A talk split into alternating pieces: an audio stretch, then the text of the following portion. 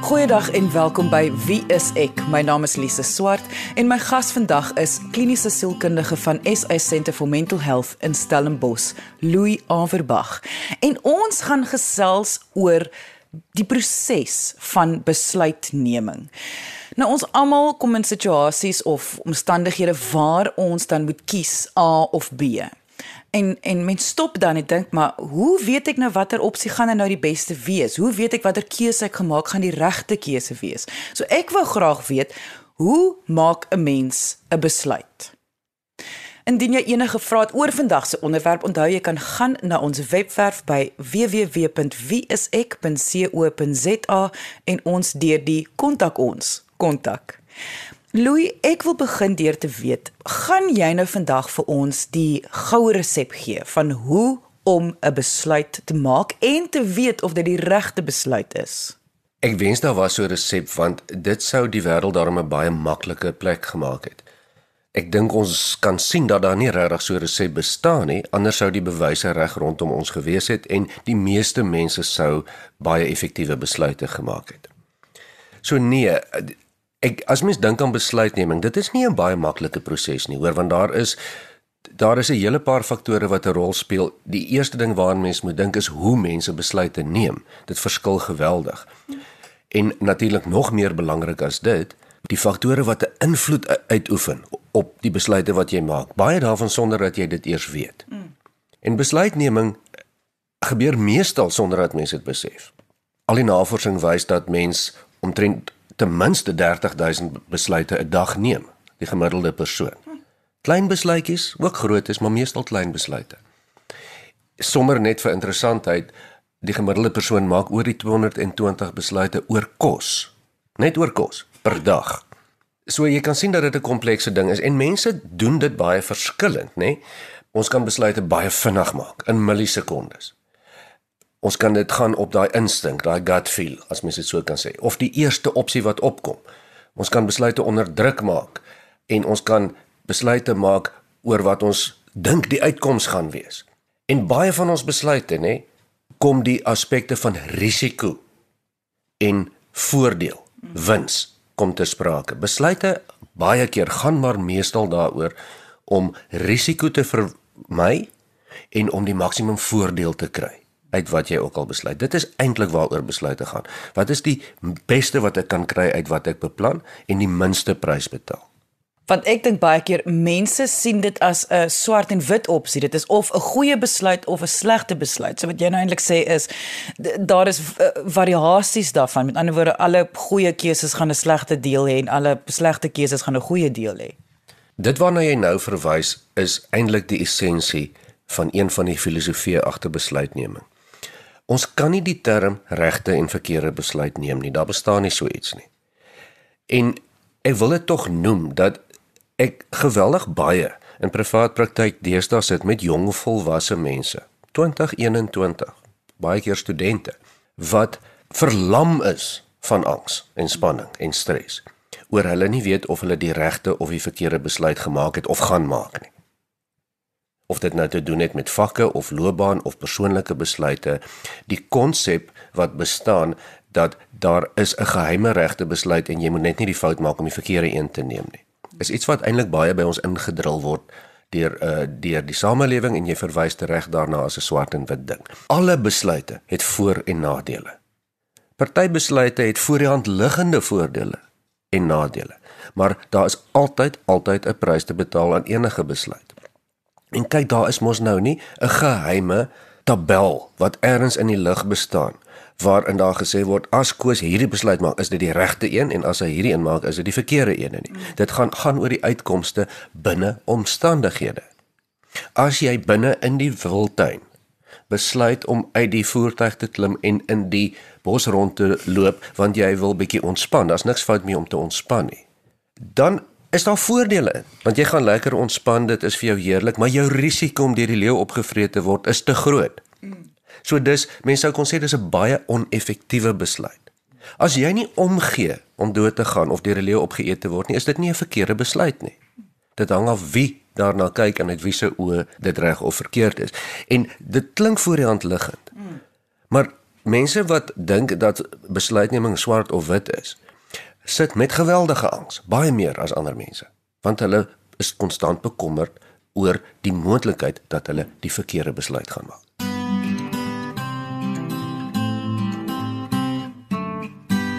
As mens dan mooi gaan kyk wat alles 'n invloed uitoefen op hoe mens besluite maak, sal jy maar graag laat gaan van die idee dat dit 'n regte of 'n verkeerde besluit is want jy word so beïnvloed in jou keuses en besluitnemings dat meeste daarvan weet jy nie eers waar dit vandaan kom nie. Kan ek gou-gou 'n stapie teruggaan na toe jy vroeër gesê het hoe iemand 'n keuse maak. Dit voel nogal vir my soos 'n belangrike aspek want ek byvoorbeeld kan dink aan net tussen my en my vriendinne hoe ons 'n keuse maak, hoe dit verskil. Die een hou byvoorbeeld meer van inligting inwin. Um die ander een gaan meer op die um gut feel soos jy genoem het. Hoe groot rol is daai hoe? Kyk, ons sal seker nou-nou praat oor die ingewikkelde faktore wat hoe jy besluitneming maak gaan beïnvloed. Onder andere wie jy is. Maar al die navorsing wys dat mense maak basies een van twee tipe keuses omtrent altyd. Die een manier is deur dit te deurdink, dit stadiger te vat, logies daaroor te dink, mooi die voor en nadele op te weeg. Dit kom ons noem dit die stadige manier. En die ander manier is wat ons kan noem die vinnige manier. Dis onbewus, dis vinnig, dis outomaties. Jy doen dit binne 'n splitsekonde. Baie keer doen jy dit ook met 'n innerlike wete of 'n gevoel of iets wat jy teen jou ervaring afspeel. Dis omtrent van toepassing op alle mense. Nou, dit hang af watter omstandighede gaan bepaal of hierdie manier van besluitneming vir jou gelukkig maak of nie.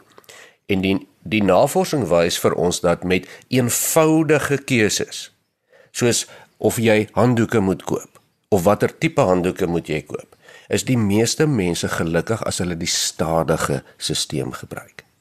Maar as dit gaan oor dit wat vir jou lekker is, wat vir jou plesier verskaf en vir jou innerlike genot verskaf, is die meeste mense heeltemal gelukkig om die vinnige manier te gebruik. En dit geld omtrent vir alle mense baie mense in die in die bemarkingswêreld doen navorsing hieroor.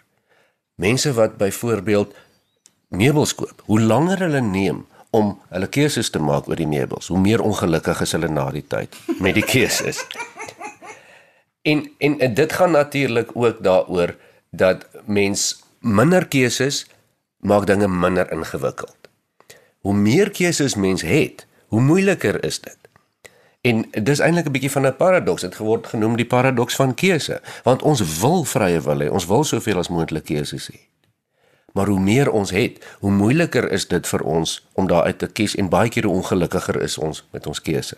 So mens kan basies kyk dat dat dat daardie twee maniere, die vinnige en die stadige maniere is wat alle mense gebruik. En dan kan mens een stappie verder gaan daarmee. amper mense wat dan die stadige manier of die kere wat ons die stadige manier ge gebruik gaan ons kyk of ons dit kan maksimaliseer. Dis die een manier so ons gaan elke moontlike detail van daardie ding ontleed en al die risiko probeer vermy. Mm. Of ons gaan daarom net so min of meer daarna kyk. Ons kyk gou wat is die beste opsie. Ons is nie so geplaas dat daar dalk ander opsies is waarvan ons nie weet nie en ons maak dit met ander woorde vinniger en ons is gelukkig met daai ding. Dit is so half 'n gemik op persoonlike satisfaksie versus maksimum gewin. En dis die maniere wat alle mense maar keuses maak. Hoe hulle dan éventueel daar op die keuses uitkom deur daardie manier te gebruik, word deur soveel goed beïnvloed. Onder andere wat ons sê is hoe meer jy bewus is van dit wat jou keuses beïnvloed, hoe makliker gaan dit vir jou wees om keuses te maak wat vir jou die effektiefste uitkoms gaan gee.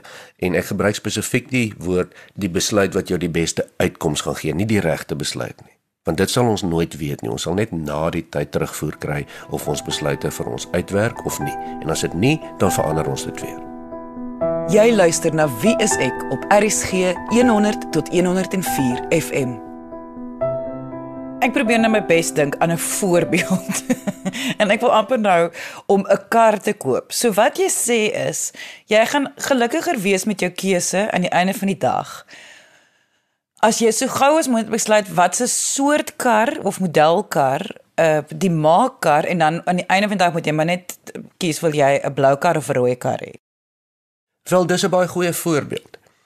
Kom ons kyk eers na die vinnige en die stadige manier. As jy 'n motorkar wil koop, dan gaan dit sekerlik werk as om die stadiger manier te gebruik om hierdie kar te bedink ten minste. Vir die eenvoudige rede dat dit baie duur is. Dis 'n belangrike besluit. So jy wil nie vinnig net gaan op wat jy van hou nie. Jy gaan heel waarskynlik en meeste mense sal dan die stadiger manier dink. Bietjie daaroor dink. Nou kom ons by vlak 2. Nadat jy stadig hieroor gedink het en bietjie finansies gedink het en waarvoor jy die kar nodig het, nou gaan jy een van twee goed doen. Of jy gaan 'n ingewikkelde rekeningkunde som maak waar jy alle moontlike opsies gaan oorweeg. Jy gaan lank vat. Jy gaan jou besluit maak en dan gaan jy bietjie op die op die internet klim en kyk maar is daar nie ander voertuie waarvan jy nog nie weet nie wat dalk beter pryse is nie. En so gaan jy aan totdat daar in jou kop niks meer oor is om aan te dink nie. En dan maak jy die besluit. Dan maksimalisering van jou van jou wins in hierdie in hierdie besluit. Of nadat jy die stadige manier gedink het, gaan jy so bietjie dink en jou bietjie jou pryse kry, 'n paar menings kry, bietjie op die internet kry en as jy dan tevrede is, is dit dit. Hmm. Jy los dit dan selfs al is dit dan aan die einde van die dag nie noodwendig die maksimum besluit nie, jy het min of meer jou huiswerk gedoen. En dit is die twee maniere wat mense gebruik om motorkaarte te koop of om persoonlike besluite te maak. Enigiets, dit is die vinnige prosesse waardeur ons gaan.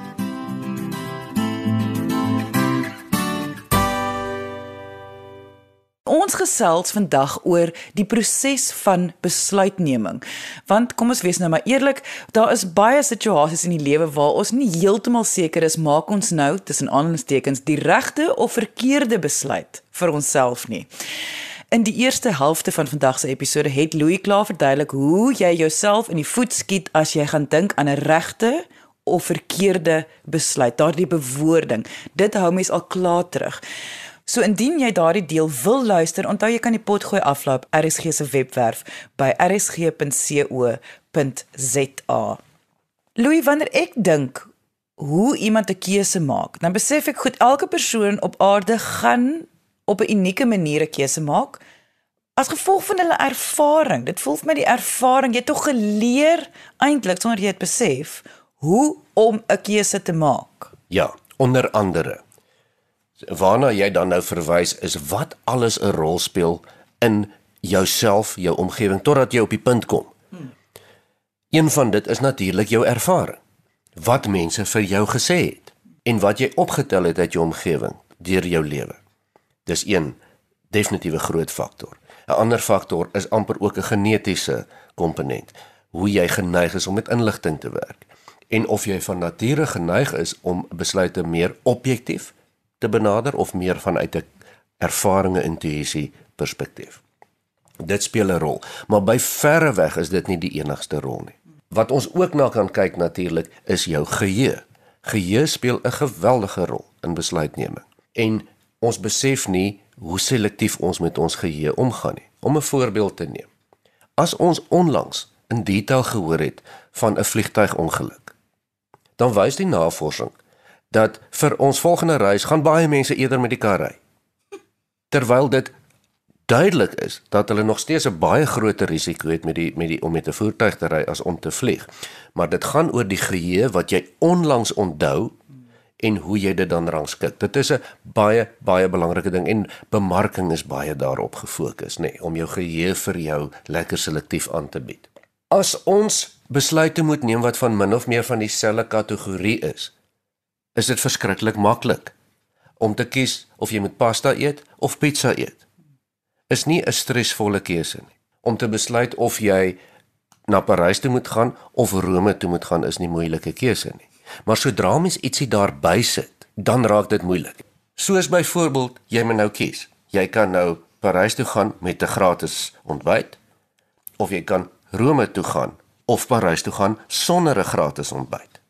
Raai wat kies almal? Parys met 'n ontbyt. Hoe die inligting waaroor jy moet besluit vir jou aangebied word, beïnvloed geweldig mense besluitneming. Byvoorbeeld, mense gaan baie graag vir operasies waar hulle 'n 80% kans het vir oorlewing, maar nie graag vir operasies waar hulle 'n 20% kans het om dood te gaan nie. Hier's die ander faktor dat hoe ons gaan reageer in die toekoms is baie min soos wat ons dink ons gaan. Want ons maak ons besluite ons op ons toekomsvoorspelling oor hoe dit gaan wees in die toekoms. Dit is nie so akkuraat soos wat ons dink nie. Ek gaan weer 'n voorbeeld gebruik. Uh mense wat nie kanker het nie. Omtrent 65% van mense wat nie kanker het nie, sê as hulle dalk sou kanker ontwikkel, sal hulle eerder verkies om self beheer te hê oor wat die behandeling is.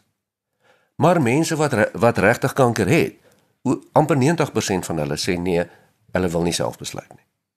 So ons voorspelling van ons gedrag is baie baie onakkuraat baie keer. Alles wat jy nou sê maak my verskriklik sin, maar nou tog is ek nie seker wat doen ek nou met die inligting nie. Ek bedoel wat jy nou sê maak my eintlik nou meer gespanne oor hoe gaan ek 'n keuse maak. Ja, en dit behoort. Dit behoort mens meer gespanne te maak en as jy dan 'n baie belangrike keuse moet maak, is dit een van die grootste faktore wat mens in gedagte moet neem in die keuse maak, is wat beïnvloed vir my om hierdie keuse te maak? Hoe kyk ek na hierdie keuse? En jy sal net moet kennis neem dat die faktore wat rol gaan speel in hierdie besluit wat jy maak, kan jy nie alles beheer nie. Dis die hele punt. Jy kan dit nie alles beheer nie en jy kan ook nie die uitkoms van jou keuse beheer nie al dink jy jy kan. En dis waar die goue ek wil amper sê stukkie advies dan inkom dat mens jou keuses wat jy maak na kyk as iets wat nie 'n absolute regte of 'n verkeerde besluit gaan wees nie maar dat dit gaan voor en nadele inhou altyd. En dis hoe mens daarna kyk. En dan kan jy begin kyk en sê goed, as ek nou hierdie besluit maak, Wat gaan die voordele wees waarvan ek weet? En wat gaan die nadele wees waarvan ek weet? Want daar gaan nadele wees. En wat ons dan min of meer moet na begin kyk is hoe gaan ons dan saamleef met die keuse op die maklikste manier? En ons praat van 'n 80-20 beginsel. Dit waarmee jy beter kan saamleef met die groter gemak kan saamleef as die ander keuse. Mense word baie baie keer vasgevang en verlam deur die negatiewe gevolge van die implikasies van 'n keuse. En ek en ek gaan die bekende een gebruik. Ek is geweldig ongelukkig in my huwelik. Ek wil nie so aangaan nie. Ek sien nie meer kans nie. Dis daar's vir my te veel nadele om so getroud te wees. Dan sê jou vriendin vir jou maar dan moet jy skei. Nee sê jy. Ek kan nie. Ek kan dit nie bekostig nie. Nou sit jy dit tussen die twee negatiewes vas en jy sit in die ja maar problematiek vasgevang ek wil nie die negatiewe implikasie van die een hê nie en ek wil ook nie die negatiewe implikasie van die ander een hê nie. Natuurlik wil mense dit nie hê nie. Wie wil negatiewe implikasies hê? Maar die vraag sal moet wees, waarmee kan ek die maklikste saamleef? Nie of dit vir my gaan lekker wees nie. So, as ek hierdie besluit maak en dit is die nadele of ek maak die ander besluit en hierdie is die nadele. Watter kan ek gemakliker mee leef? Al is dit nie vir my lekker een van die twee nie. Dit is 'n baie meer realistiese manier van besluitneming. Soek jy 'n professionele persoon in jou area, gaan kyk op die WSE kontaklys by www.wse.co.za. So die fout wat ons nog altyd maak is ons probeer soek vir waar's die positiewe en wat gaan daai wonderlike alles is net lekker en perfek. Soek ons die hele tyd na of streef ons na waar ons eintlik moet nou net kyk na al die negatiewe in al die opsies en met watter negatiewe gaan ons die maklikste mee saam kan leef. Absoluut en dit is hoekom dit onmoontlik is eintlik om vir iemand anders 'n goeie besluit te kan maak. Natuurlik kan ons met lewenservaring vir mense advies gee oor sekere goed. Ons almal kan vir jong mense sê luister jong jy moet spaar. As jy 'n keuse het, spaar eerder as om jou geld uit te blaas. Dis tog goeie advies. Mm. Maar dit is maar net breë advies. Die besluitneming self gaan vir die persoon dan wees om om nie te kyk maar luister waar is my beste voordele nie. Maar met watter nadele kan ek die maklikste saamleef? Party goed is voor die hand liggend. Dit is tog oor die algemeen baie meer voordelig om eers bietjie in die straat af te kyk voor voor jy oor die straat loop in die in die dorp. Dis ook 'n besluit wat jy maak in 'n millisekonde. Maar jy het dit al so baie gedoen dat jy hoef nie ure te spandeer oor daardie besluit nie. Jy doen dit outomaties. As jy dit nie doen nie, gaan jy gedwing word om een of ander tyd te moet jou besluit herdink, want iemand gaan jou raak kry. So as jy gaan kyk of voor jy oor die pad loop en jy daai besluit geneem, is daar nog steeds risiko. Jy kan nie al sien nie, daar's baie mense wat wat mooi kyk en nog steeds raak gery word. Maar jy kan dan ten minste jou risiko verminder. Jy kan dan beheer hê oor die tyd wat jy oor die pad loop of die tyd wat jy neem om oor die pad te loop. Jy vermy jou risiko so. Maar dit geld nie vir mense wat wat in die in die natuur bly nie. Dit geld nie vir mense waar daar nie voertuie is nie. En ek, en ek weet dit klink voor die hand liggend. Maar wat ek daarmee bedoel ook is dat alle besluite gebeur binne in 'n konteks. Daar is nie 'n universele besluit wat reg of verkeerd is nie. Dit hang af van die omstandighede. Die besluit om moord te pleeg, sal mense sê dis 'n verkeerde besluit. Dit is nie. Dit gaan vir jou nadele meestal in die lewe inhou.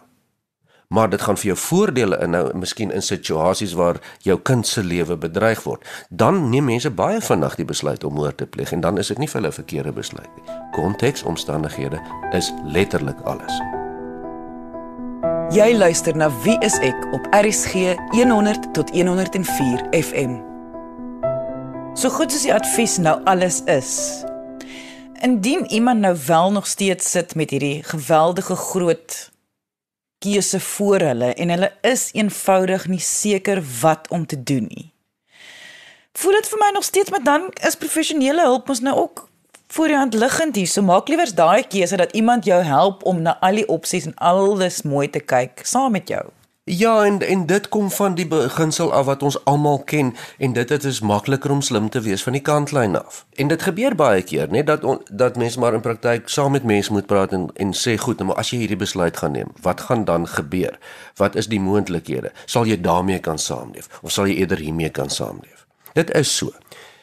En ek dink wat jy nou sê met al die dinge wat ons vandag sê oor wat besluitneming moeilik maak, is dit ook daarom nou nie altyd moeilik nie.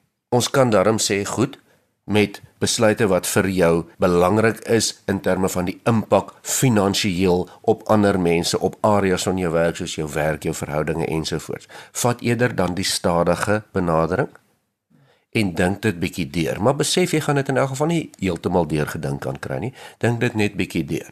As jy 'n gevoelspersoon is, dan gaan dink jy jouself in die omstandighede van jou besluite. As jy meer objektiewe persoon is, werk met die feite. As jy dit klaar gedoen het, dan gaan kyk jy weer bietjie na die nadele van beide implikasies van jou besluit.